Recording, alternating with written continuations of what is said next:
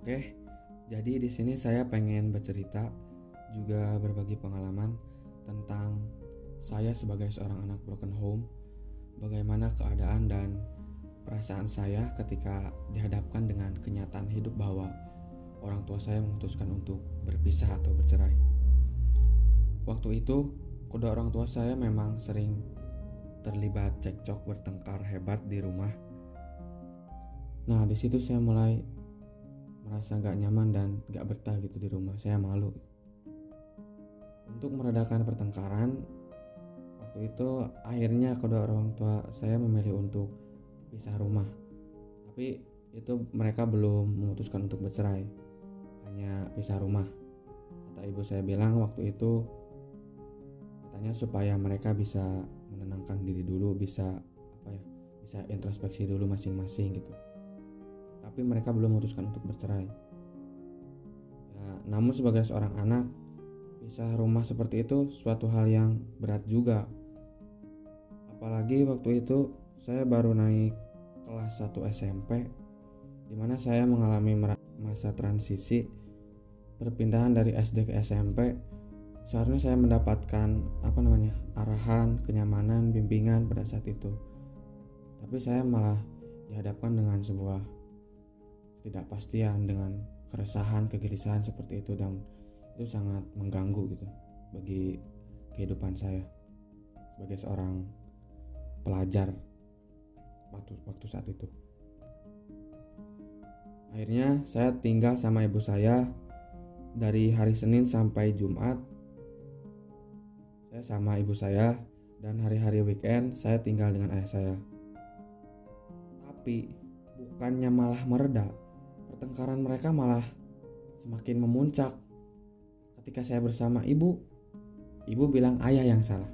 Ketika bareng sama ayah, ayah bilang ibu yang salah.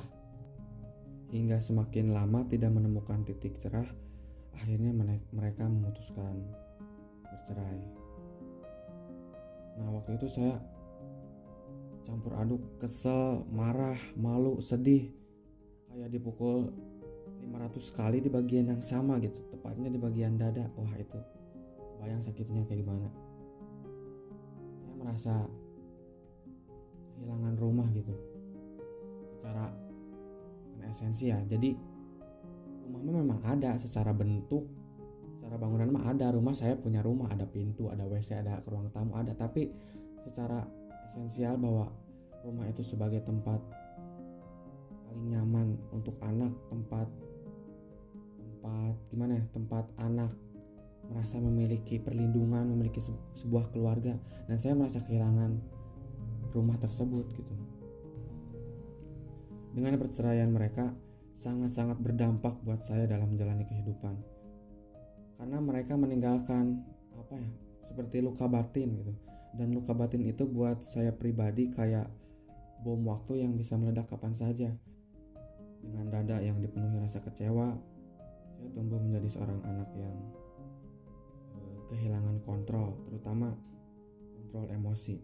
Saya lebih mudah marah-marah karena hal yang sepele, sering merasa tersinggung, sering ngelamun, terus sering ngerasa beda, ngerasa beda aja gitu. Saya saya beda sih, ngerasa beda gitu.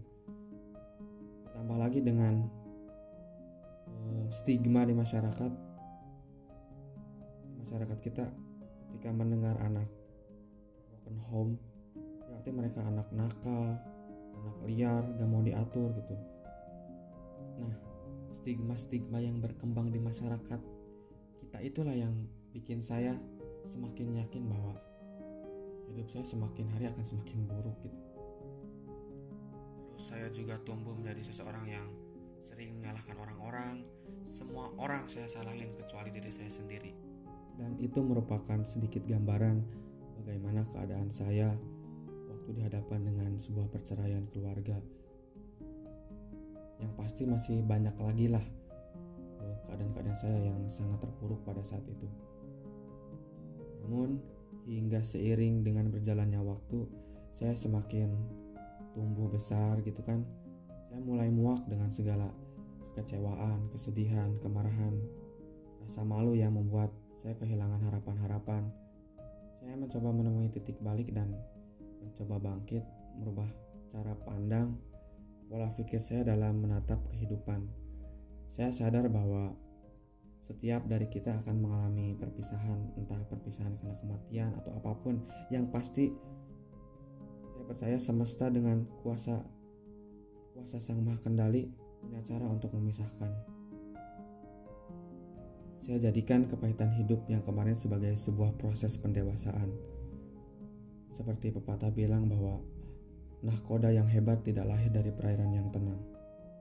Dan alhamdulillah, sekarang langkah saya semakin terasa ringan, menerbitkan kembali harapan-harapan baru untuk hidup ke masa depan.